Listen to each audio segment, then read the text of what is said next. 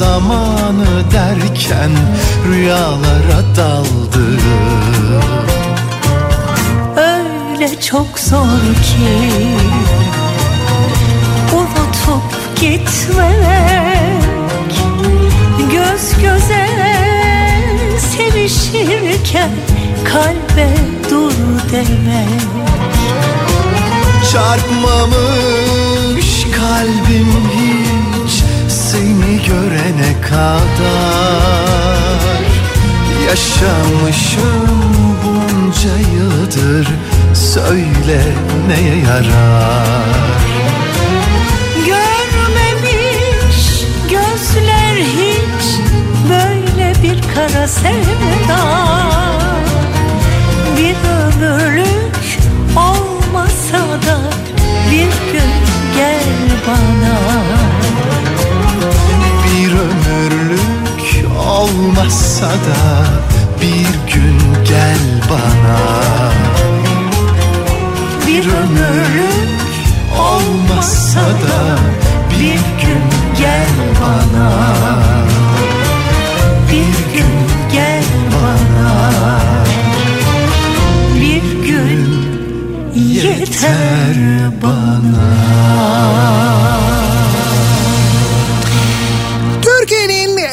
kafa radyosundan, kafa radyodan hepinize günaydın. Yeni günün sabahındayız. Günlerden Perşembe. Tarih 24 Aralık 2020'nin sonlarına doğru emin adımlarla ilerlerken o adımlara özellikle bu sabah Ankara'da dikkat etmek gerekiyor. Çünkü Ankara'da kar yağışı var.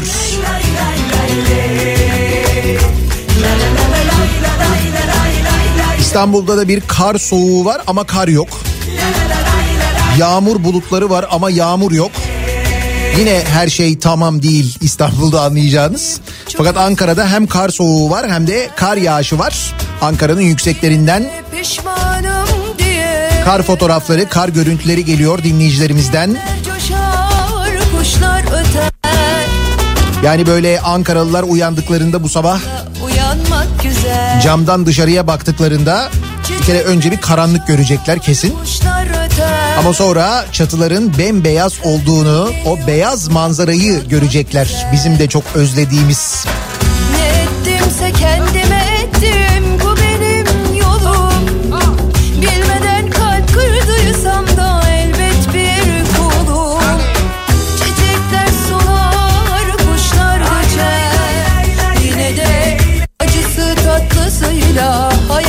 güzel. Çiçekler solar, kuşlar göçer. Acısı tatlısıyla hayat güzel.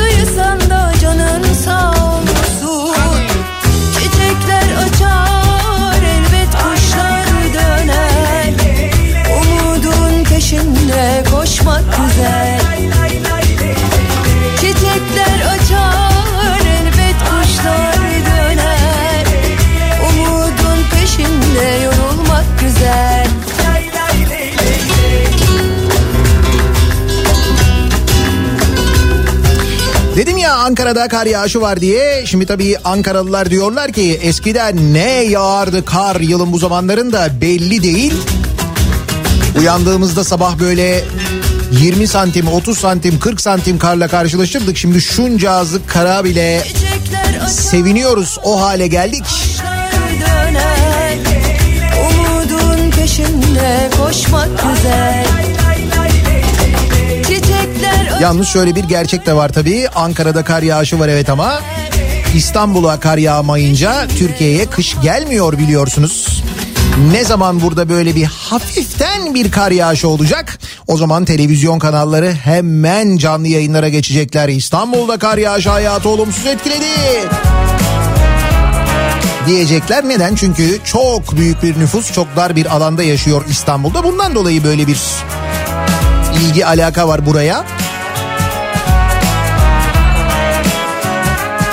Şimdi o ilgi alakanın başka bir tezahürünü söyleyeyim ben size. İstanbul'da taksi, dolmuş ve minibüs ücretlerine gelen bir zam var sevgili dinleyiciler. Başlayalım gözlerimiz buluşsun Dün gerçekleştirilen bir UKOME toplantısı var ki bu UKOME toplantıları her seferinde daha da ilginç bir hal alıyor artık İstanbul'da. Neden? Çünkü son yapılan seçimlerden önce yani Ekrem İmamoğlu'nun kazandığı seçimlerden önce İstanbul'da UKOME Ulaşım Koordinasyon Merkezi toplantılarındaki sayı belediye lehineydi. Yani belediye temsilcileri bir de işte hükümet temsilcileri var orada. Fakat orada belediye temsilcileri daha fazlaydı. Dolayısıyla belediye bir uygulama yapmak istediğinde ulaşımla ilgili İstanbul'da oy çokluğu belediyede olduğu için bunu gerçekleştiriyordu. Ama sonra ne oldu? Sonra İmamoğlu kazandı. Dolayısıyla UKOME cıs oldu. Hemen o UKOME'deki sayı denge değiştirildi. Mesela Aile Bakanlığı'ndan bile temsilci atandı biliyorsunuz. o günden başlayalım Evet evet Aile Bakanlığı'ndan temsilci atandı Ulaşım Koordinasyon Merkezi'ne. Öyle şimdi aileler de bir yerden bir yere ulaşacaklar diye düşündü herhalde arkadaşlar. Bir anda akıllarına geldi. Dolayısıyla belediyenin çoğunluğu e, kaybolmuş oldu. Hükümet çoğunluğu ağır basıyor şu anda UKOME'de. Dolayısıyla belediye işte taksi plakaları meselesinde olduğu gibi örneğin 6000 yeni taksi plakası ki bunlar belediyenin malı olacak. Birilerinin malı olmayacak. O birileri alıp onları gidip birilerine kiralamayacak. O kiralayan birileri götürüp bir başka birilerine onlar bir başka birilerine kiralamayacaklar. olmaz mı olur ya Ki şu andaki sistem İstanbul'da öyle. O ona, o ona, o ona, o ona. Sonuçta olan kime oluyor? Taksiciye oluyor aslında. Taksi sayısı artmadığı için müşteriye oluyor aslında. Rekabet olmadığı için hizmet alan insanlara da hizmet verenlere de aynı zamanda zararı var. Ki biz bunu yıllardır konuşuyoruz. Bu bugünün meselesi değil. İşte dünkü o UKOME toplantısında ee, yine bin taksi plakası ile ilgili e, bir teklif getirilmiş. Neden bin? Yani bu o altı bin değil bu bin e, kaldırılan işte metroların hizmete girmesiyle kaldırılan minibüs hatları var mesela. O minibüs hatlarının sahibi olan yani minibüs plakası olanlara verilecek taksi plakaları ya da kaldırılan dolmuş hatları var. O dolmuş hatlarına verilecek taksi plakası O da reddedilmiş. Yanımda kalırsın olur ya Olur ya Sonra demişler ki her şeyi reddetmek olmaz canım. Bir de demişler zam yapalım bari onu kabul edelim. Taksi, dolmuş ve minibüs ücretlerine yüzde 11 zam yapılmış. Minibüste en kısa mesafe 2,5 liradan 2 lira 75 kuruşa yükselmiş mesela. Kaldı ki son yapılan e, zamdan sonra yani taksi minibüs dolmuş ücretlerine yapılan son zamdan sonra gelen akaryakıt zamlarına bakıyorsunuz. E, bugün yapılan zam aslında onu karşılamıyor. Nitekim esnaf da aynı şeyi söylüyor aslında. Ama işte ulaşımdaki maliyetin artması manasına geliyor. Kullanan için o açıdan kötü. İyi haber var mı? İyi haber var. Bak bu da mesela kırmızı çizgidir. Kırmızı çizgimiz olan biliyorsunuz bir poşet meselesi var. Heh, işte poşete zam yok. Gördün mü? Çevre ve Şehircilik Bakanlığı'nca satış noktalarında plastik poşetlerden alınan ücretler yeni yılda da 25 kuruş olacakmış. Poşete zam gelmemiş yani. Günler bir bir geçti gitti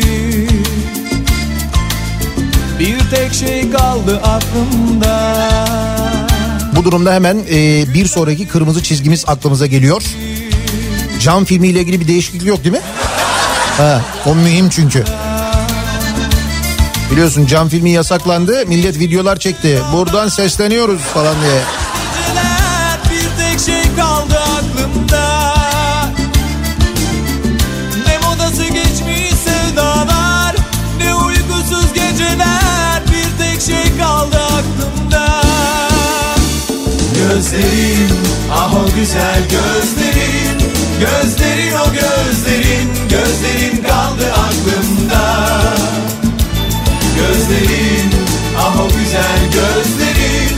Gözlerin o gözlerin Gözlerin kaldı aklımda. Bir güler bir ağlarım Durur durur söylerim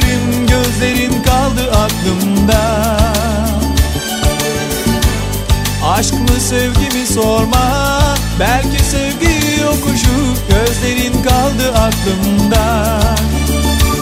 Gözlerin ah o güzel gözlerin. Gözlerin o gözlerin. Gözlerin kaldı aklımda. Gözlerin ah o güzel gözlerin.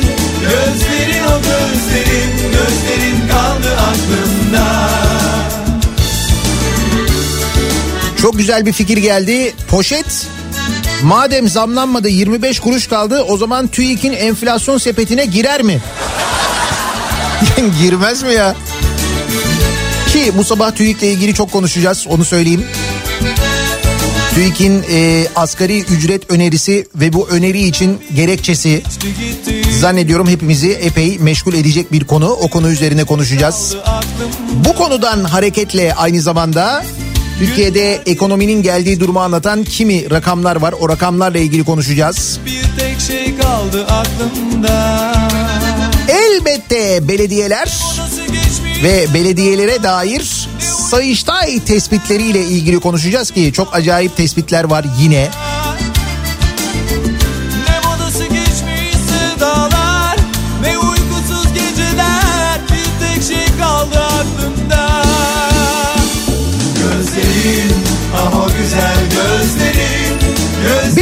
Yandan yeni yıl yaklaşıyor. Yılbaşı yaklaşıyor. Enteresan bir yılbaşına doğru ilerliyoruz.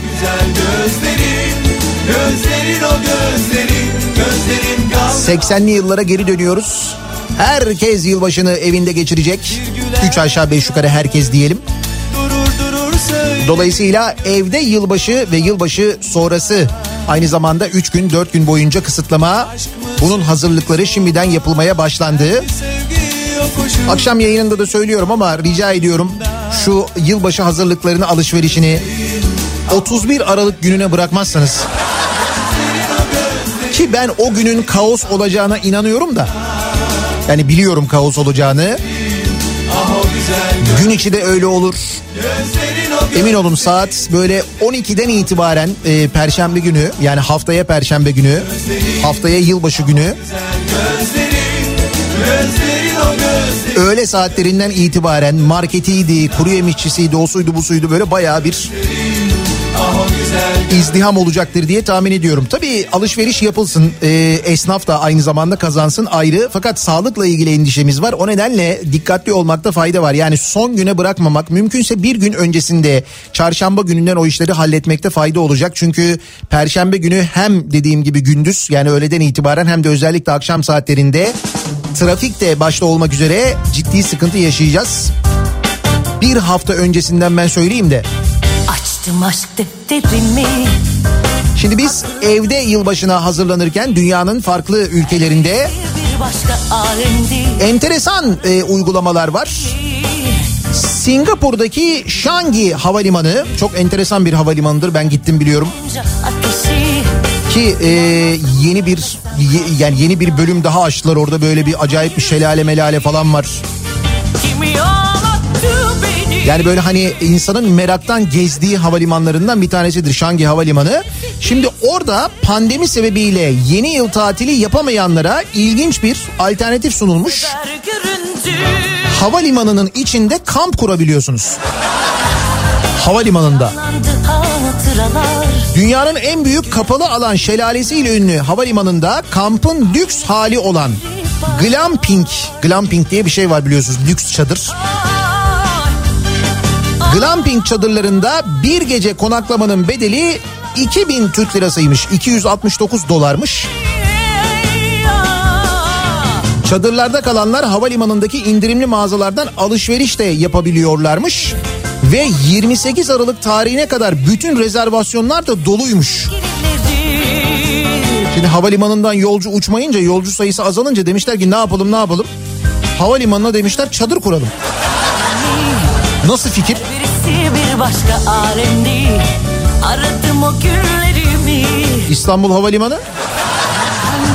Hayır alan da e, bizde biliyorsunuz epey uygun. Hatta İstanbul Havalimanı o kadar büyük ki biz belki şey böyle otağı kurabiliriz yani. Hem bize daha uygun olur. Kalabalık aileler için. Kimisi hiç sevmedi. Sever göründü. Sever göründü. Açtım aşk defterimi. Canlandı hatıralar Gülen resimlerin arkasından Aynı sevgili bakar Perşembe gününün sabahındayız. Nasıl bir sabah trafiğiyle acaba? İşe gidiyoruz hemen trafiğin son durumuna bir bakalım.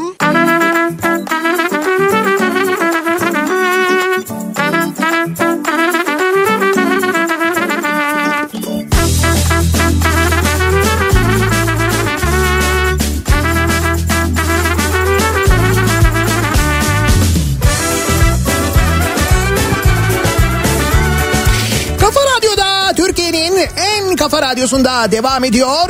Daiki'nin sunduğu Nihat'la muhabbet. Ben Nihat Sırdar'la. Perşembe gününün sabahındayız. Tarih 24 Aralık. Yedi buçuğu geçtik. Kara üzüm salkımı Ankara'da bu sabah bir taraftan hafiften böyle bir kar heyecanı. Yarim Bir taraftan da acaba kayar mıyız endişesi.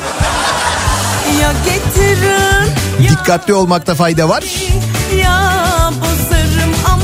Bizim bu tarafta bir yağış yok. Hatta bizatihi kuraklık var bir yandan. Ama eğlenceli bir şehir miyiz? Çok eğlenceliyiz. aman Hele Esencilis'ten gelen haberler öyle böyle değil. Esenyurt'ta geçen hafta basılan kıraathaneye yine baskın düzenlenmiş. Canım Niye? Çünkü orası Esenciles. Takmıyor kimse yani. Esenyurt'ta geçen hafta kıraathanede masa oyunları oynayan ve pencereden atlayıp kaçan kişiler mühürlenen aynı kıraathanede yine oyun oynarken yakalanmışlar. Yapılan baskında yine aynı yüzlerin olması polis ekiplerini şaşkına uğrattı. Abisini koronavirüsten kaybettiğini söyleyen iş yeri sahibinin ben abimi kaybettim ama korona diye bir şeye inanmıyorum sözleri ise pes dedirtti. Ben o yari Abi buyur işte. ah İki ay önce abisinin koronavirüs yüzünden kaybettiğini söyleyen kişi korona diye bir şey yok. Ben maske de takmıyorum. Burada da kimsenin korona kapacağını düşünmüyorum dedi. Ey meleğim meleğim Şimdi bu adama ne anlatacaksın? Nasıl anlatacaksın? Geçen gün biri vardı bana öyle yazmış işte. Onun normal gripten ne farkı varmış Nihat bir anlatsana bakayım falan diye böyle. Profesör kendisi herhalde. Ama ünvan yoktu isminin önünde baktım.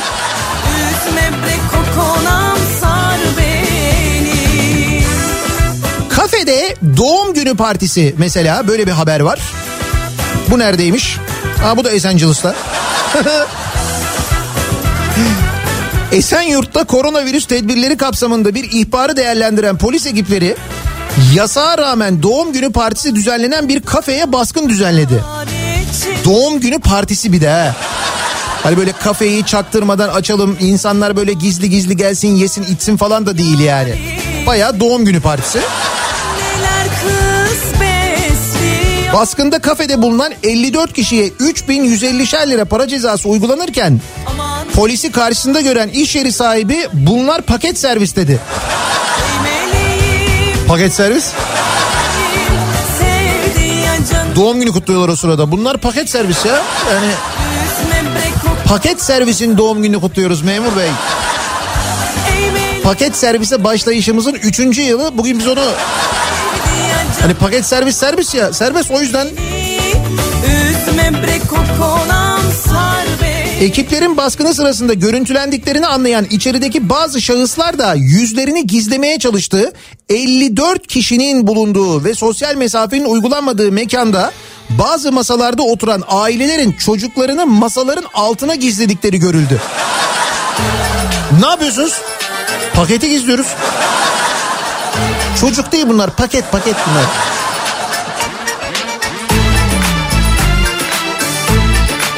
...54 kişiye 170 bin lira para cezası kesilmiş.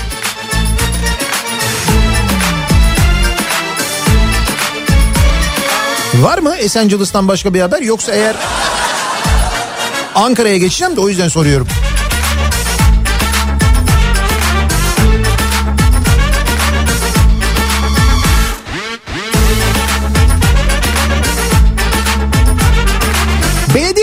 İlgili bilgiler edinmeye, belediyelerin yaptığı harcamalarla ilgili bilgiler almaya devam ediyoruz. Nereden? Sayıştay raporlarından öğreniyoruz bunları. Ki hala öğrenebiliyor olmamız şaşırtıcı ama bir bu hafta sonu o belediye raporlarını Sayıştay sitesinden bir kaldırdılar. Onu bir denediler ben size söyleyeyim bir yokladılar. Fakat sonra herhalde kanuni olarak mı çekindiler? Fakat kim çekiniyor, niye çekiniyor ben hala anlamış değilim ama... Sonra yeniden yüklediler o raporları. Şimdi Keçiören Belediyesi, Ankara Keçiören Belediyesi 2019 yılında oluyor bu. 2019 yılı Sayıştay denetim raporunda var çünkü. Yıllık 31 bin liraya bir şirkete mesire alanı kiralıyor. Bir mesire alanı var. Bunu 31 bin liraya bir yıllığına 31 bin liraya kiralıyor. Ankara Orman İşletme Müdürlüğü ile Keçiören Belediyesi arasında yapılan 20 Kasım 2015 tarihli sözleşme ile Çankaya ilçesi Yıldız mevki Birlik Mahallesi'nde bulunan Ankara Orman İşletme Şefliği Hasbahçe 1B tipi 6.28 hektar mesire yeri 29 yıllığına kiralanıyor. Kiralamanın bedeli yıllık 31 bin lira. Sonra belediye bu 31 bin liraya kiraladığı şirketi yani şirketi 31 bin liraya kiralıyor ya o şirket bir başkasına o şirket bir başkasına kiralıyor derken en son kira miktarı ne oluyor? Ama bu belediyenin kasasına girmiyor. Belediye 31 bin lira alıyor. 480 bin liraya çıkıyor. Nasıl güzel değil mi? Belediyeden 31 bin liraya alıp 480 bin liraya kiralamak. Ne kadar oluyor kar? 480'den 30 işte aşağı yukarı 449 bin lira mı oluyor? Temiz. İyi kar yani. Kiralayan bir başkasına o da bir başkasına kiralamış. İkinci ve üçüncü şirket arasında ne bu? Sonra aqua park mı olmuş orada? Ne olmuş? Öyle bir şeyler olmuş. Vardan olmasın kazanamadım sıla parası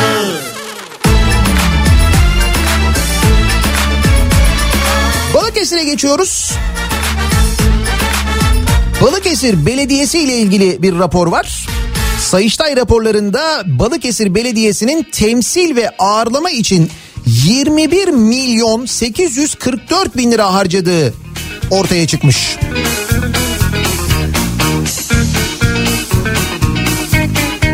CHP Balıkesir Milletvekili Ensar Aytekin Balıkesir Büyükşehir Belediyesi'nin Sayıştay raporlarında yer alan bilgilerini kamuoyuyla paylaşmış. Belediyenin sunduğu mali tablolarda temsil ve ağırlama giderleri için 21 milyon 844 bin 745 lira harcandığının yer aldığını söyleyen Aytekin bu rakamla Balıkesir Türkiye'de Bursa'dan sonra ikinci sırada geliyor. Tem- temsil ve ağırlama giderinde Bursa birinciymiş ve 21 milyondan fazla mı harcamış? Gerçi evet biliyoruz Bursa'yı. Kaldı ki Bursa'nın zaten genel olarak herhangi bir problemi olmadığını, şehir olarak bir sıkıntısı olmadığını, o nedenle Bursa Belediyesi bütçesinden Rize'ye mesela 15 Temmuz meydanı yapıldığını,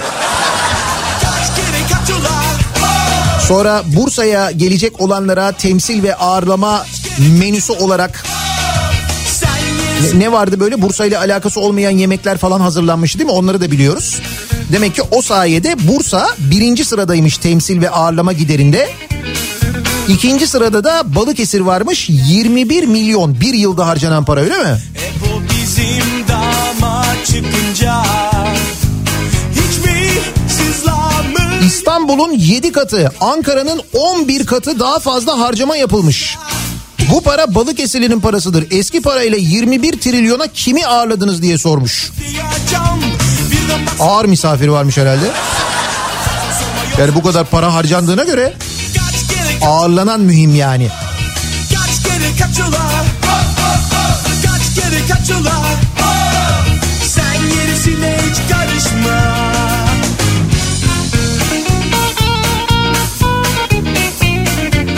Daha enteresanı var. Yani daha enteresan bir belediye harcaması var. 2019 yılında borçlanma limitini 42 milyon lira aşan Gümüşhane Belediyesi Sayıştay demiş ki sen demiş 2019 yılında borçlanma limitini 42 milyon aşmışsın. Bunun gerekçesine demiş. Gümüşhane Belediyesi demiş ki Covid-19 sana Sayıştay demiş ki iyi de salgın 2021 Mart'ta başladı. Yani yani bizim bilmediğimiz bir şey mi oldu? Gümüşhane'de mi ilk başladı? Ne oldu? Oradan mı Türkiye'ye yayıldı? Yani 2019'daki harcamayı 2020'de başlayan salgına gerekçe göstermişler.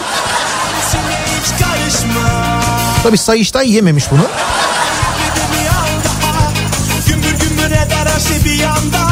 Yani bu yanıtları verenler de ya bu harcamaları yap şimdi bunları yapıyorlar. Bu harcama değil aslında. Usulsüzlük baktığınız zaman bunlar. Nitekim Sayıştay onu tespit ediyor. Sonra da e, hesabını soruyor. Bu hesabını sordukları zaman verdikleri yanıtlar da böyle yanıtlar bu arada. Yani bu yanıtları veren adamlar o belediyelerde yönetici anlatabiliyor muyum? Yani o kısmı sıkıntı. Sonra o yönetici o belediyede başka işlerde yapıyor işte hizmet yapıyor onu yapıyor bunu yapıyor. Sonra diyorsun ki belediye niye böyle yaptı? Sence? Niye?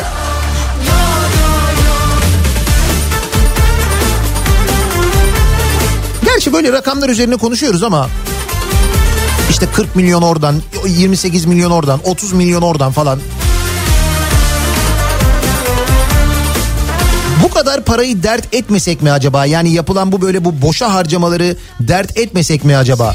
Çünkü e, biliyorsunuz yani yetkililere sorduğumuzda devleti şu anda yönetenlere sorduğumuzda Türkiye'de bir açlık sorunu yok değil mi? Yani açlık sorunu olmadığını biliyoruz. Bizatihi milletvekili dedi ki e, kuru ekmek yiyorlarsa aç değiller zaten dedi. Bak, bakana soruyoruz Çalışma Bakanı'na. Çalışma Bakanı dedi ki Türkiye'de dedi böyle bir yoksulluk sorunu yok dedi ya. Aşırı yoksulluk sıfırlandı dedi. Hiç yok yoksulluk da yok dedi yani. Bunu ısrarla söyledi mesela. Biz bunu nereden anlıyoruz biliyor musunuz? Türkiye'de yoksulluk yok ki Türkiye dışarıya böyle paralar harcıyor. Hibe ediyor, yardımda bulunuyor. İşte maske zamanı yaşadıklarımız o ilk maske salgın ilk başladığındaki maske karmaşasını hatırlayın. Biz maske bulamazken merak etmeyin herkese gönderiyoruz dediler yalan. Gelmedi öyle bir maske falan. O sırada biz Amerika'ya maske gönderiyorduk Amerika'ya. Hava 1500. Korsan. Şimdi aşı var mı? Bak Amerika'da başladı aşı yapılmaya. Biz Neyse şunu söyleyeceğim. Türkiye'den Arnavutluğa 390 milyon liralık konut yardımı. 390 milyon liraya Arnavutluk'ta konut inşa ediyormuşuz. TOKİ 522 konut inşa edecekmiş Arnavutluk'ta.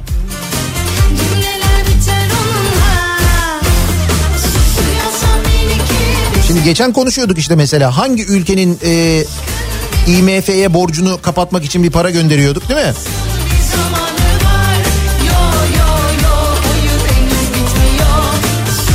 Dün Arnavutluğa yapılacak olan bu tor, e, konutların TOKİ tarafından yapılacak konutların temel atma töreni düzenlenmiş. Arnavutluk'ta depremde e, evlerini kaybedenlere yapılacakmış bu konutlar. 390 milyon lira buraya e, harcıyormuşuz. Bu 390 milyon TL bu arada 42 milyon euroya mal oluyormuş oradaki binalar. Şimdi 5 milyar dolarlık bir hadise var. 5 milyar dolar. Türkiye'den Irak'a 5 milyar dolarlık destek. Hani bu geçenlerde bir yemek vardı Cumhurbaşkanlığı sarayında o yemeğin görüntüleri falan e, sosyal medyada dolaşıyordu ya. İşte o yemeğe katılan Irak Başbakanı Mustafa El Kazimi Bağdat'a döndükten sonra Bakanlar Kurulu toplantısına katılmış. Bu toplantının ardından basına yaptığı açıklamada Türkiye ziyaretine değinmiş. İşte bizdeki o yemekli olan ziyaret ve e, büyük bir törenle karşılandıklarını söylemiş. Türkiye'de demiş ki bizi demiş çok büyük bir törenle karşıladılar. Cumhurbaşkanı benim yakın dostumdur demiş. Türkiye'de Irak'a yakışır şekilde karşılama töreni düzenlendi. Türkiye Kuveyt konferansında taahhütte bulunduğu 5 milyar dolarla Irak hükümetini desteklemeye hazır demiş. Irak'a 5 milyar dolar yardım yapıyormuşuz. 5 milyar dolar. O sırada biz asgari ücret konuşuyoruz değil mi? Asgari ücret ne olur? Kurutulmuş güller gibi yosun tutmuş. O asgari ücret e, açlık sınırının üstünde olur mu altında kalır mı? Ki kuvvetle muhtemel altında kalacak. O asgari ücretle geçinilebilir mi? Biz bu sırada bunları konuşuyoruz değil mi? 5 milyar dolardan bahsediyoruz. Sizce e, 5 milyar dolarla mesela bu 5 milyar dolar Türkiye'de kapatın dükkanınızı salgın var denilen esnafa dağıtılsaydı 5 milyar dolar TL karşılığını hesaplayın. Şu anda 7.60 Benden selam. 7.67 mi öyle bir şey. 8 ile çarpın işte yuvarlak hesap yapalım biz onu. Dökülür her mevsim 40 milyar lira yapıyor değil mi? 40 milyar TL. Türkiye'de zor durumdaki esnafa dağıtılmış olsaydı ya da esnaftan alınan vergiler alınmasaydı mesela deseydi ki devlet bir yıl boyunca sizden vergi almıyorum. Hiçbir vergiyi almayacağım deseydi mesela. Hani bunun için böyle konuşulduğu zaman kaynak falan deniyor ya işte buyur 5 milyar dolar.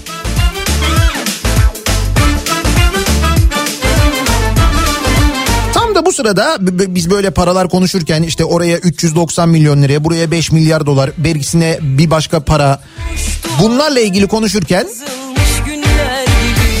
TÜİK asgari ücret önerisini açıkladı ve 2792 lira dedi. Asgari ücret için yapılan 3. toplantıda TÜİK'in önerisi bu olmuş. 2792. Ee, bunun gerekçesi de şu. İşçinin ihtiyacı o kadarmış. Türkiye İstatistik Kurumu asgari ücretle ilgili yapılan hesaplamanın teknik bir işlem olduğunu ve hesabın bir işçinin ihtiyaç duyacağı aylık toplam harcama gereksinimini gösterdiğini söylemiş. Hani neden bu kadar düşük bir ücret önerdiniz diye böyle eleştiriler gelince TÜİK de demiş ki bu demiş teknik bir işlem. Bu hesap demiş bir işçinin ihtiyaç duyacağı aylık toplam harcama gereksinimidir demiş ya. Bu kadar demiş yani. İşte hangi marketse o. Onu bilemiyoruz, öğrenemiyoruz bir türlü neresi olduğunu. Yani TÜİK'in o harcamaları, o sepetin içindeki ürünleri nereden aldığını tam olarak öğrenemediğimiz için bilmiyoruz. Şimdi o marketten hesap yaptığın zaman böyle bir şey çıkıyor işte.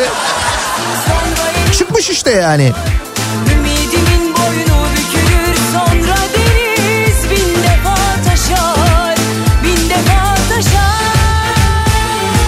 Bakın ne durumda olduğumuzu e, en iyi gösteren aslında rakamlardan bir tanesi Türkiye'deki icra meselesi ve icra dosyalarının sayısı aslına bakarsanız.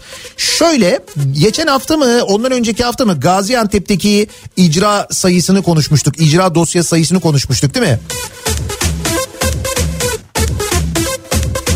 Ve e, biz burada konuşurken söylerken Hani e, Afyon Karahisar'da açılan bir e, icra dairesi vardı.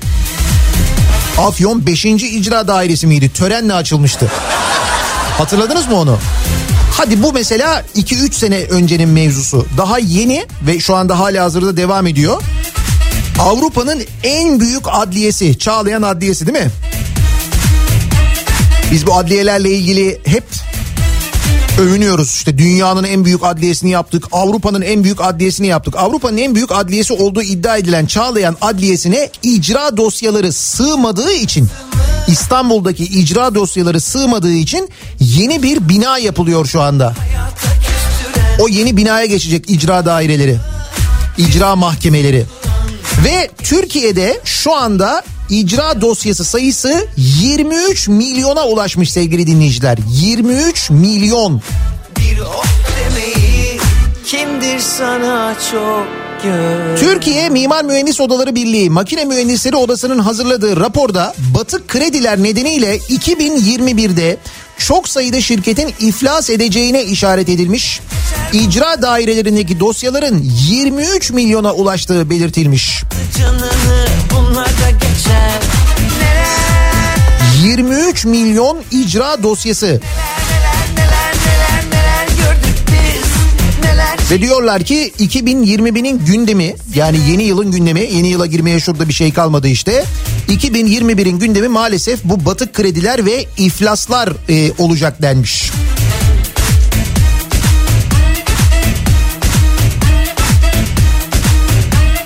Öyle mi olur acaba? Yani 2021'in gündemi gerçekten de bunlar mı olur? Mesela batık kredileri mi konuşuruz? İflasları mı konuşuruz? Yoksa bunları konuşmayalım diye böyle yapay gündemler mi olur yine? Birdenbire hiç böyle hesapta olmayan krizler mi ortaya çıkar? Ne olur acaba? Sizce 2021'in gündemi ne olur? Hadi bakalım biraz tahminde bulunalım ve bu tahminlerin ne kadarının tutacağını hep beraber görelim. 2021'in gündemi bu sabahın konusunun başlığı olsun.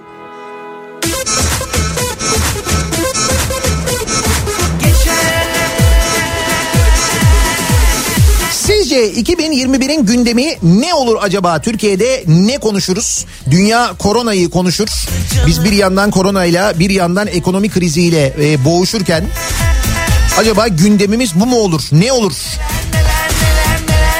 Sosyal medya üzerinden yazıp gönderebilirsiniz mesajlarınızı. 2021'in gündemi bu sabahın konusunun başlığı. Twitter üzerinden yazacak olanlar buradan yazabilirler. Hala Twitter'dan yazabiliyorken. Nihatetnihatsırdar.com elektronik posta adresimiz. Bir de WhatsApp hattımız var 0532 172 52 32 0532 172 kafa. Buradan da yazabilirsiniz. Aynı zamanda mesajlarınızı, tahminlerinizi 2021'in gündemi bu sabahın konusu. Bir ara verelim. Reklamlardan sonra yeniden buradayız. Kafa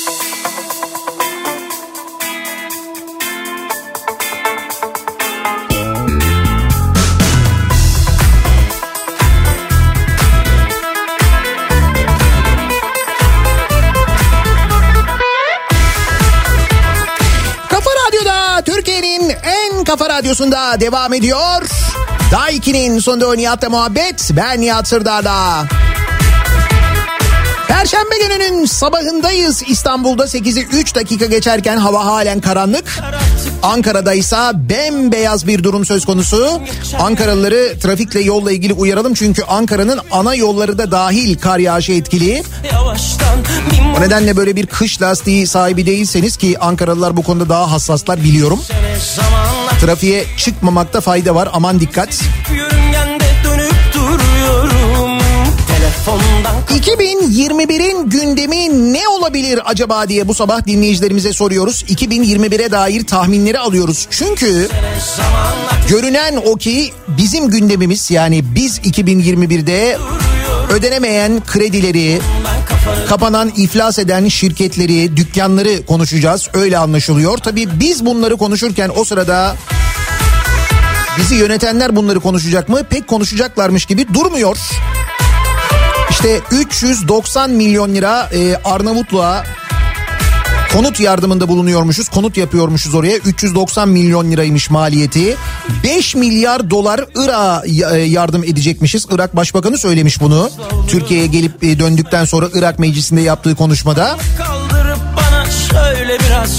Dün haber vardı Kuzey Kıbrıs Türk Cumhuriyeti'ne 800 milyon lira hibe ediyormuşuz. Cumhurbaşkanlığı Cumhurbaşkanı yardımcısı açıkladı onu. Yakıyorum Şimdi hal böyleyken 2021'de mesela artık 2021'e bir şey kalmadı çünkü. Hani bizim esnafa da böyle yardımlar yapılır mı diye düşünüyoruz. Ya da ne olur acaba 2021'in gündemi ne konuşuruz sizce? Dans edip yörüngende dönüp duruyorum. Telefondan kafanı kaldırsan görürsün belki. Bak karşında duruyor aradığın kişi. Mesela yeni petrol yatakları, yeni maden sahaları olabilir mi acaba 2021'in gündemi? Zaten eğer öyle olursa o zaman anlayın ki seçim geliyor. O en büyük emaredir biliyorsunuz. Bizlerin 2021 gündemi yıllardır zirvedeki yerini koruyan Canikos'u olur. Biz daha çok dinleriz Canikos'u şarkısını. 2021'de de diyor dinleyicimiz. Öyle mi olur acaba? Bugün değilse ne zaman ateşi yakıyorum? Dans edip yörüngende dönüp duruyorum. Telefondan kafanı kaldırsan görürsün. Belki Bak karşında duruyor aradığın kişi. Bugün değilse ne zaman ateşi yakıyorum? Dans edip yörüngende dönüp Dur Canikos'u demişken Türkiye Futbol Federasyonu Başkanı Nihat Özdemir'in şirketi Limak'ın ki Limak e, dünyada birinciydi biliyorsunuz. Dünya Bankası raporundan okumuştuk geçen gün. Dünyada en fazla kamu ihalesi alan şirketti. Altyapı ihalesi alan şirketti. Gençlik ve Spor Bakanlığı ile 56 il müdürlüğünün elektriğini vermesi tartışma yaratmış. Futbol Federasyonu Başkanı'nın şirketi Gençlik ve Spor Bakanlığı ve 56 il müdürlüğünün elektriğini veriyor. 64 müdürlük için düzenlenen ihalenin Özdemir başkan olduktan sonra yapıldığına dikkat çeken Mustafa Adıgüzel, Sanayi Bakanlığı'nın da elektriği Cengiz Holding'den aldığını söylemiş. Yani dinleyicimizin tahmini doğru 2021'in gündemi ihaleler de yapıldığına göre Canikos'u. Değişen bir şey yok yani. Bana sevda Nihat Bey Ankara'da durum bu. Her yer kar. Sıfır tuzlama diyorlar Ankaralılar.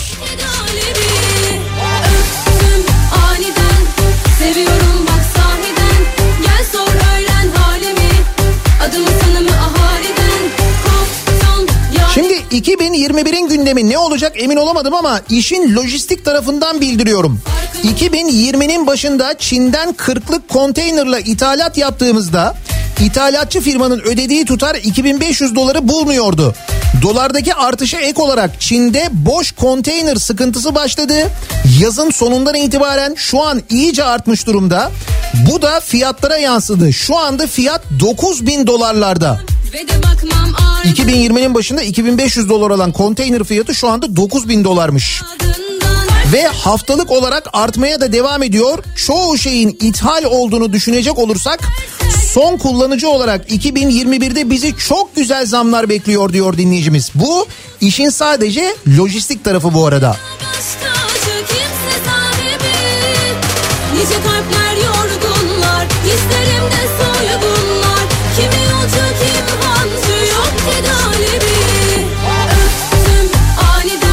2021'in gündemi. Biz asgari ücretle geçinenlerin gündemi yine TÜİK'in marketini aramak olur. Bulabilir miyiz? tutuluyorum bak harbiden 2721 lira önermiş asgari ücret için. E, demiş ki TÜİK bu bir teknik hesaplamadır. Bir işçinin bir aylık ihtiyacı budur. Biz böyle hesapladık demiş. 2721 lira.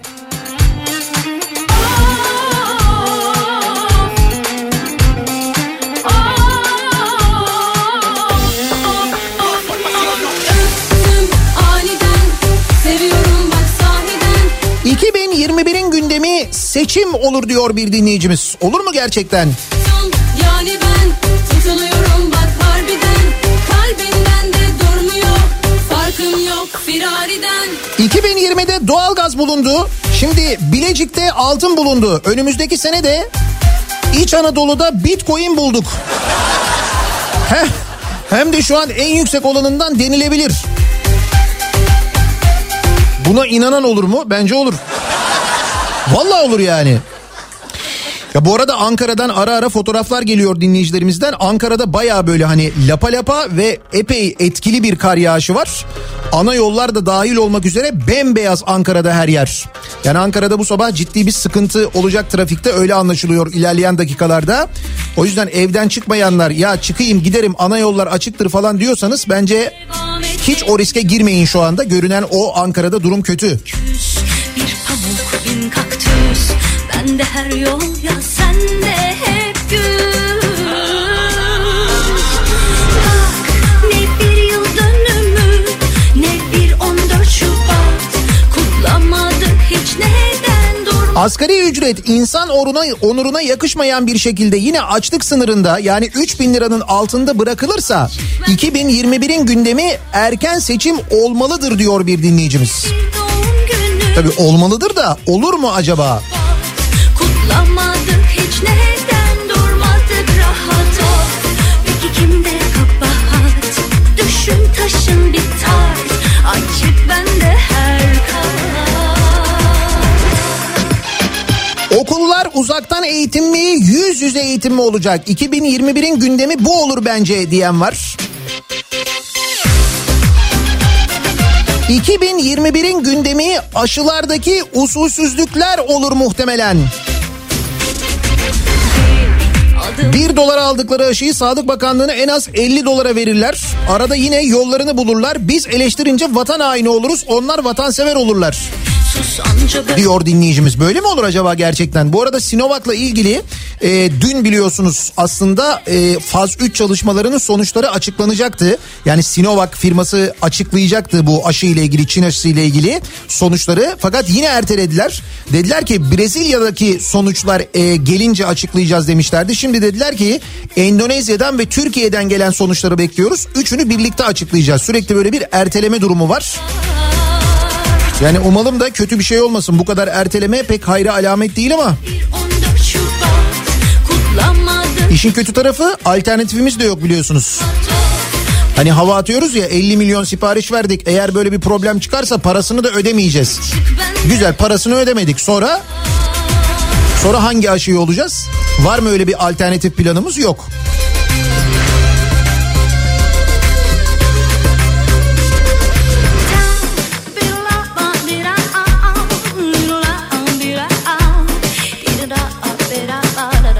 ...2021'in gündemi açlık olur diyor. Denizli'den e, Cihat göndermiş. Olur mu gerçekten de soruyoruz. İşte sizin milletvekili söylüyor açlık yok diye. Siz Denizli'den böyle yazıyorsunuz ama Denizli milletvekili diyor ki ne açlığı diyor ya kuru ekmek diyorsun işte diyor. Boğazlarından kuru ekmek geçiyorsa aç değiller demek ki diyor. Denizli milletvekili söylemiş bunu Cihat siz seçmişsiniz. Düşün taşın biter Açık bende her 2021'in gündemi uzaylılar olur bence diyor. Ee, seçkin. Geçen gün izlediğim bir Simpsonlar videosunda salgın, deprem ve Trump'ın gidişinden sonra 51. bölgede uzaylılar ve zombi istilası oluyor. Ben 2020'den bekliyordum böyle bir kapanış ama herhalde hazırlıklar yetişmedi. Ya Allah aşkına sen uzaylı olsan o kadar teknolojiye sahip ol- olsan geldin dünyaya mesela dünyaya inmeden önce ne oluyor diye bir bakarsın değil mi? Şimdi şu dünyaya sen uzaylı olarak gelir misin ya? Düşünsene salgın hastalık var biz önünü alamıyoruz. Bir de uzaylı girecek o da hasta olacak. Bulaşır mısın? Ben bulaşmam yani. Uzaylı da olsam. Ana derim burası hastalıklı. Gelmem yani.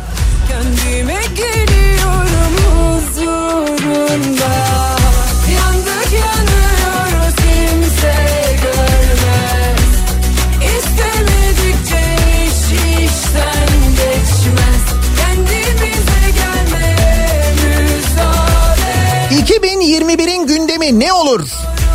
Hey Kılıçdaroğlu olur ne olacak? Değil mi? Kılıçdaroğlu, Bay Kemal her şeyi o yapıyor çünkü.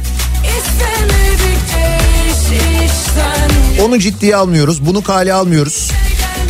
Bak Avrupa İnsan Hakları Mahkemesi Selahattin Demirtaş'ın derhal tahliye edilmesi gerektiği ile ilgili bir karar verdi. Biz ne dedik? Bizi bağlamaz dedik. Halbuki bağlar. Yani yasal olarak bağlıyor yani. Ama biz tanımıyoruz.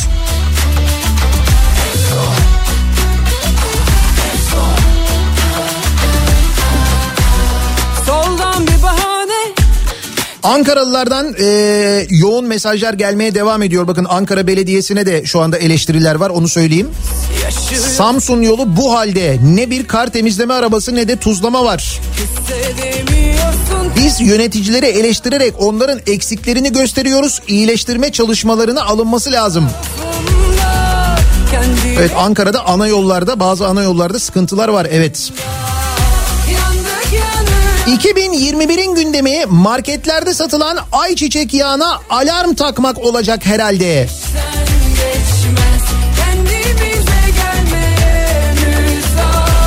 Bu arada bir markette e, ayçiçek yağlarına 5 litrelik ayçiçek yağlarına alarm takılmış gerçekten de sevgili dinleyiciler.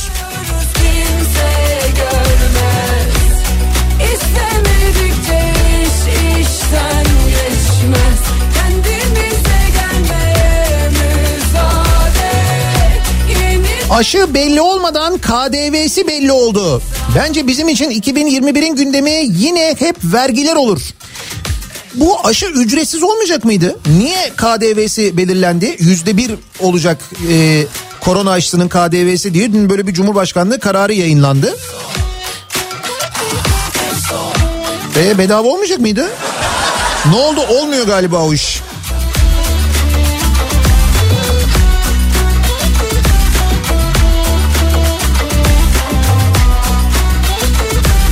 ...2021'in gündemi tabii ki yine CHP olacaktır. Gerçekler hiç konuşulmayacak, gözlerden kaçırılacaktır.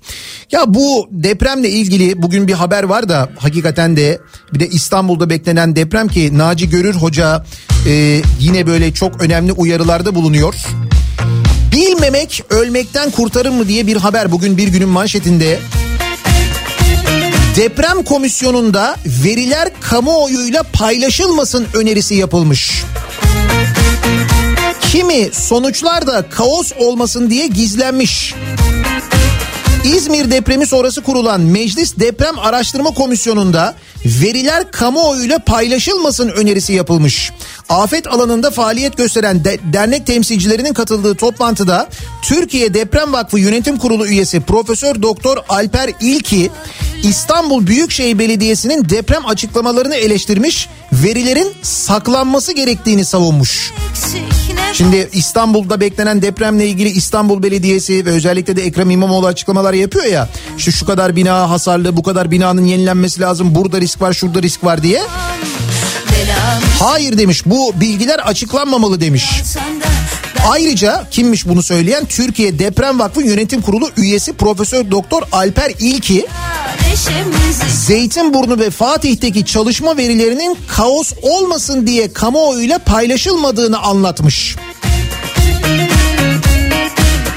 Dönüşüm konusuna da değinen Profesör Doktor İlki şimdi İBB girdi bu işe. Bize göre biraz çılgınca girdi. Biz girmeyin etmeyin dedik.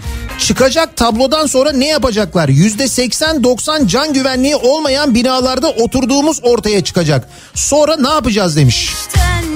Yani adam diyor ki Türkiye Deprem Vakfı üyesi bu yönetim kurulu üyesi. Şimdi diyor binalarla ilgili diyor Fatih'te Zeytinburnu'nda tespit yapıyor belediye diyor. Bu binaların hasarlı olduğu ortaya çıkacak. E ne olacak diyor. Yani çıkarma bunları ortaya diyor. Profesör doktor bu. Kendi kendimle de mutluyuz. Vay arkadaş yani Bin defa avunamam. Bela mısın dünya. O zaman biz dua edelim de 2021'in gündeminde deprem olmasın ya. Çünkü duaya kalmış işimiz o belli yani. dünya neşemizi çalsan da biz buradayız bil ki düşmüyoruz yakandan.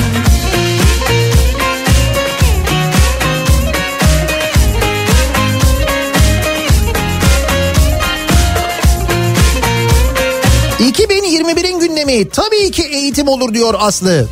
Eğitim, mezuniyetler, notlar, diplomalar, diplomasız olanlar, sahte diploması olanlar, diplomasız güreşçiler demiş mesela birisi. Nereden çıkarıyorsunuz bunları?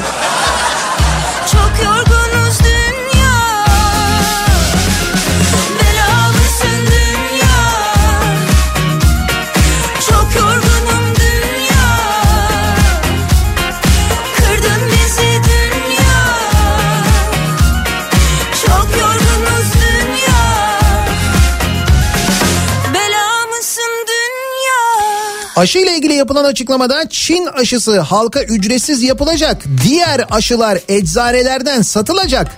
Eğer satılırsa KDV oranı yüzde bir olacak.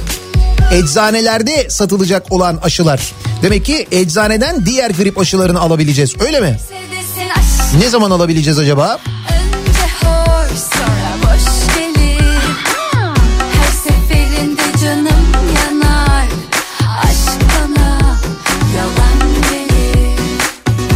Doğrusunu sence kim bilir? Aşk nedir, nerededir? İnanmaktır diyorsan bana. Zor gelir, çok zor gelir. Başrolde çoğu zaman bir kadın Eşim Ne olur 2021'in gündemi diye tahminde bulunuyoruz. 23 milyon icra dosyası Türkiye'de şu anda aktif olan 23 milyon icra dosyası varmış. Ne derse desin 2021'in gündemi ne olur? Yoksulluk ve işsizlik olur diyor bir dinleyicimiz. Pazar alanları kaldırılınca atılanları toplamaya gelen onlarca insanı da görsün TÜİK. Ondan sonra önersin mümkünse asgari ücreti diyor. Ama TÜİK de diyor ki bu diyor teknik bir hesaplama diyor.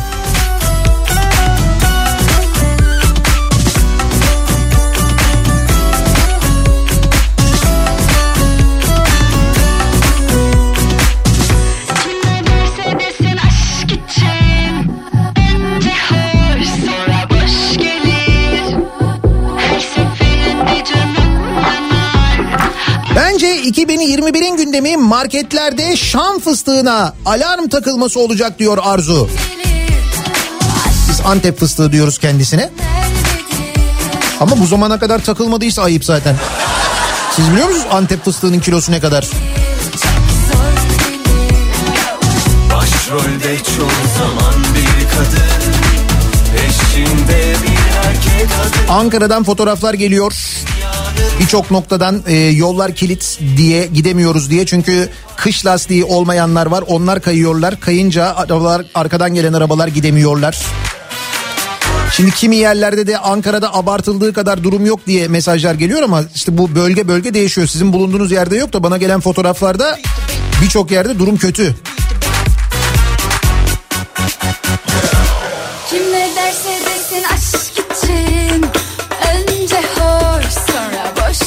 2021'in gündemi de aynı olur. AKP ve MHP oylarıyla reddedildi şeklinde diyor Semih.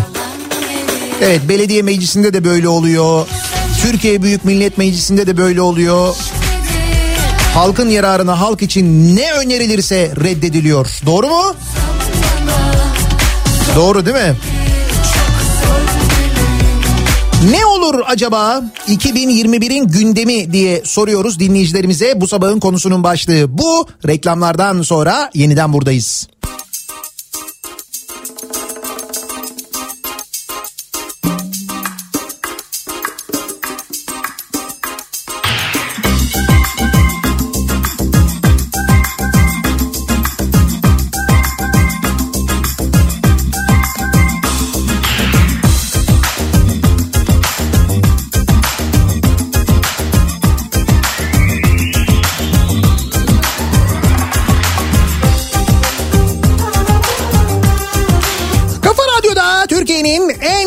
Radyosunda devam ediyor. Daiki'nin sunduğu Nihat'la muhabbet. Ben Nihat Sırdar'la. Perşembe gününün sabahındayız. Tarih 24 Aralık. 2021'in gündeminin ne olacağı ile ilgili tahminlerde bulunuyoruz. Türkiye'de hali hazırda 23 milyon icra dosyası olduğu bilgisi var. 23 milyon. Dolayısıyla önümüzdeki seneye dair tahminler, işte ödenemeyen krediler, iflas eden şirketler olur. 2021'in gündemi bu olur yorumları yapılıyor. Biz de dinleyicilerimize soruyoruz 2021'in gündemi sizce ne olur diye. Şimdi Ankara'dan demin de söylediğim gibi çok e, fotoğraf geliyor. Ankara'dan görüntü geliyor. Ana yollar, ara yollar. Çok ince bir kar örtüsü olmasına rağmen havanın çok soğuk olması buzlanmayı beraberinde getirmiş. Sıkıntı var Ankara'da. Ama o arada Van'dan gelen bir fotoğraf var ki şimdi Van'dan dinleyicimiz yazmış. Uyanık seni 2021'in gündemi ne olur bilemiyorum ama kadına şiddet olmaz. Kadın hayvan fark etmeden tecavüz edenler olmaz. Hayvanlara işkence edenler olmaz. Açlık, yoksulluk olmaz. Evine ekmek götürmediği için intihar eden insanlar olmaz. Yani onlar gündemde kendilerine yer bulamazlar diyor. Sonuna da eklemiş burası da Van diye. Yani öyle bir kar yağmış ki Van'da epey yoğun yağmış gece belli. Yani yollar bembeyaz. Kaldırımlardaki kar kalınlığı böyle 20-25 santim civarında falan.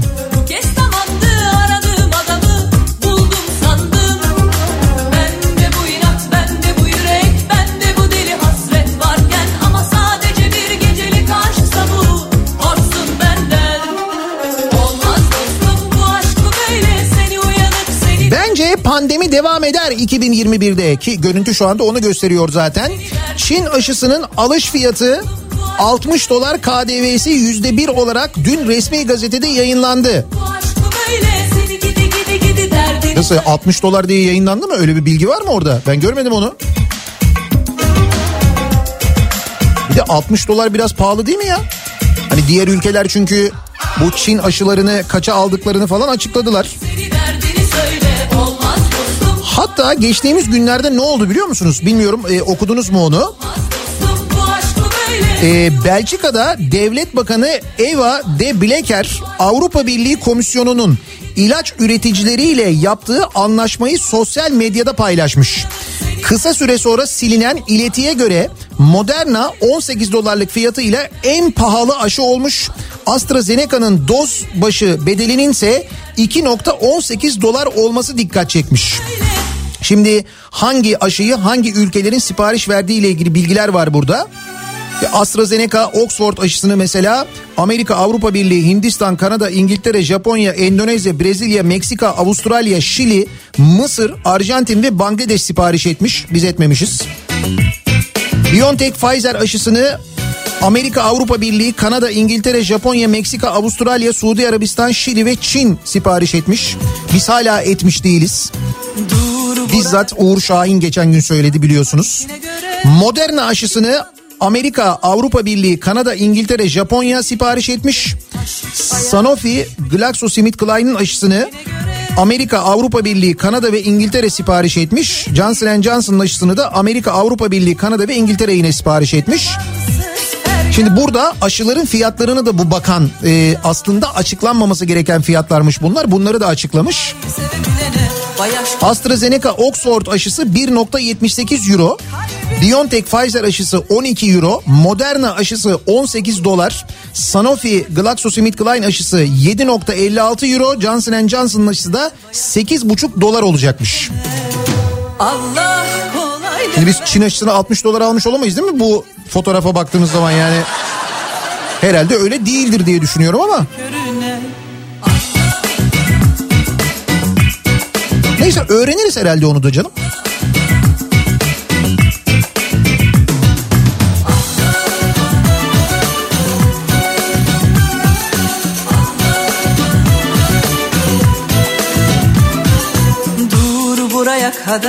Bence 2021'in gündemi tam olarak şudur diyor Harun.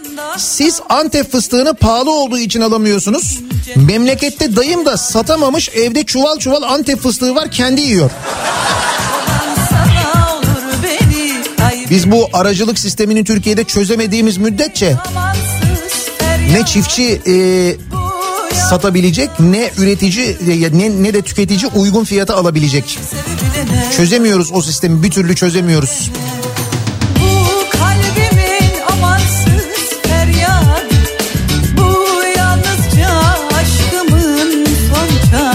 Ankara'dan gelen fotoğraflara göre bu akşam ya da bu öğlenden itibaren haber bültenlerinde bol bol Ankara'da kayıp çarpışan araba görüntüleri izleriz söyleyeyim size. Eyvahlar olsun eyvah sevdim ah körü körüne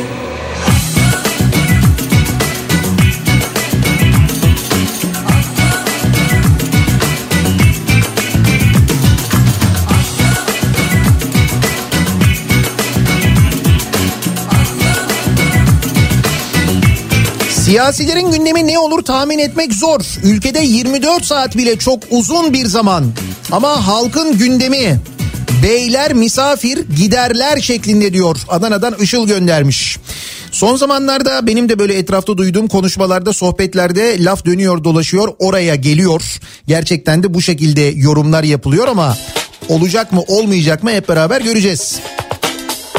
Maaşı dolarla almıyoruz ama aşı dolarla nasıl olacak? Bakmayacağız. Bakmayınca görmüyorsun, görmeyince bir şey oluyor gibi sanki. kumsala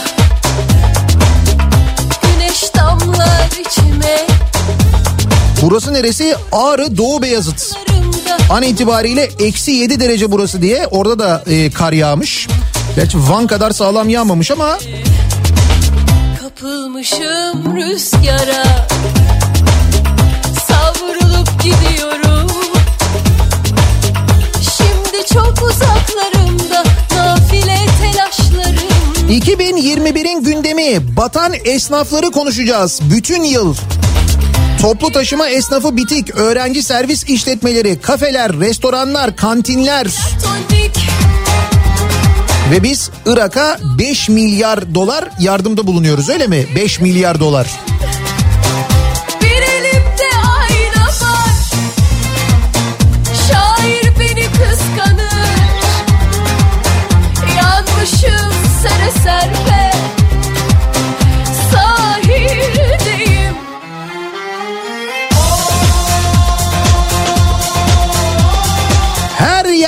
Kaza var. Ankara'dan gelen mesajlar Ankara Etimeskut'ta. Yine böyle e, kayan arabalar, maddi hasarlı kazalar. Eskişehir yolundan gelen bir fotoğraf var. Orada da durum kötü. Adım adım ilerliyor trafik. Ankara için çok zor bir sabah öyle anlaşılıyor. Belki işsizliğe en azından bir miktar çare olur diye ya da bizi dinleyen kadınlar özellikle çalışmak istiyorlarsa eğer belki onların işine yarar diye Opet'in kadın gücü projesini bir kez daha hatırlatalım. Opet tüm istasyonlarında e, en az iki kadın çalışan istihdam etmek için kadın gücü isimli bir projeye başladı. Epey uzun bir süre önce biz de elimizden geldiğince destekliyoruz ve bu sayıya ulaşıldı. Şimdi miktar daha da artırılmaya çalışılıyor. E, Opet yine kadın çalışma arkadaşları arıyor. Opet istasyonlarında çalışacak ön sahada akaryakıt satış yetkilisi ya da market satış yetkilisi olarak çalışacak kadın çalışma arkadaşları arıyor. Opet eğer tam benlik ben çalışmak istiyorum diyorsanız o zaman başvurunuzu 0850 211 45 55 numaralı telefona yapabiliyorsunuz. 0850 211 45 55 ya da bilgi et kadingücü.com adresine bir e-posta göndererek de başvurabiliyorsunuz. Bilgi et kadingücü.com Çalışmak isteyen kadınlar için böyle bir alternatif var. Böyle bir proje var. Duyurmuş olalım. Sere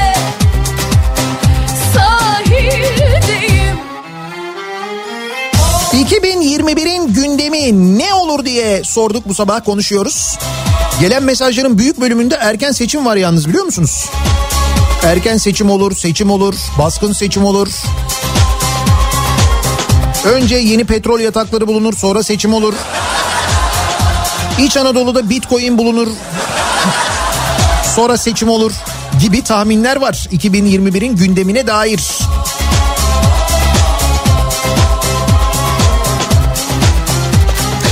Bir ara verelim.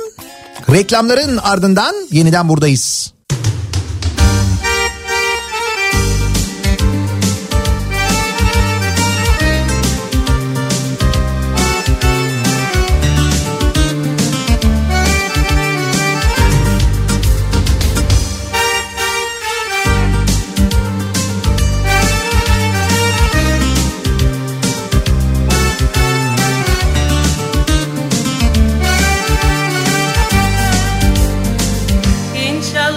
Sen de böyle. Aşık ol da bak birine. Ben oldum da ne oldu sanki? Senin gibi birisine. İnşallah ol sen de böyle. Aşık ol da bak birine. Ben oldum da ne oldu sanki? Senin gibi birisine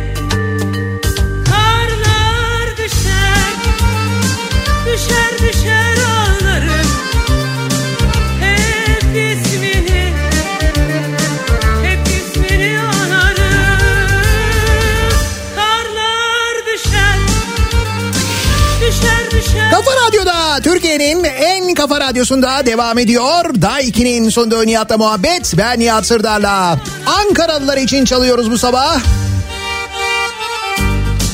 Tabi bilemiyorum böyle keyifli bir şekilde dinleyebiliyor musunuz Ankara'da? Bir yandan böyle karın yağışını izleyip bir yandan karlar düşeri mırıldanabiliyor musunuz? Söyleyebiliyor musunuz? Yoksa trafikte kaldığınızda sinirden mi söylüyorsunuz şarkıyı?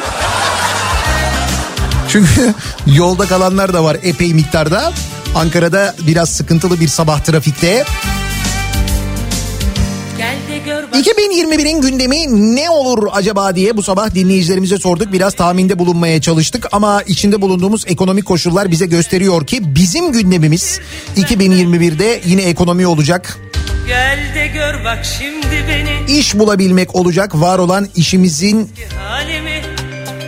devam edebilmesi olacak. sen Batmasa keşke iş yeri diye düşüneceğiz. Öyle anlaşılıyor. Ekonominin gidişatından da. Düşer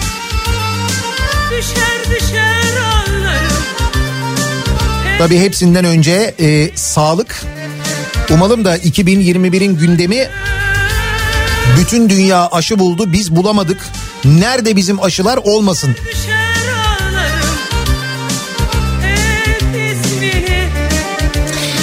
Yayınımızın sonuna geliyoruz. Mikrofonu Kripto Odası'na devrediyoruz. Birazdan hem Güçlü Mete'ye hem de Candaş Tolga Işık canlı yayındalar birazdan.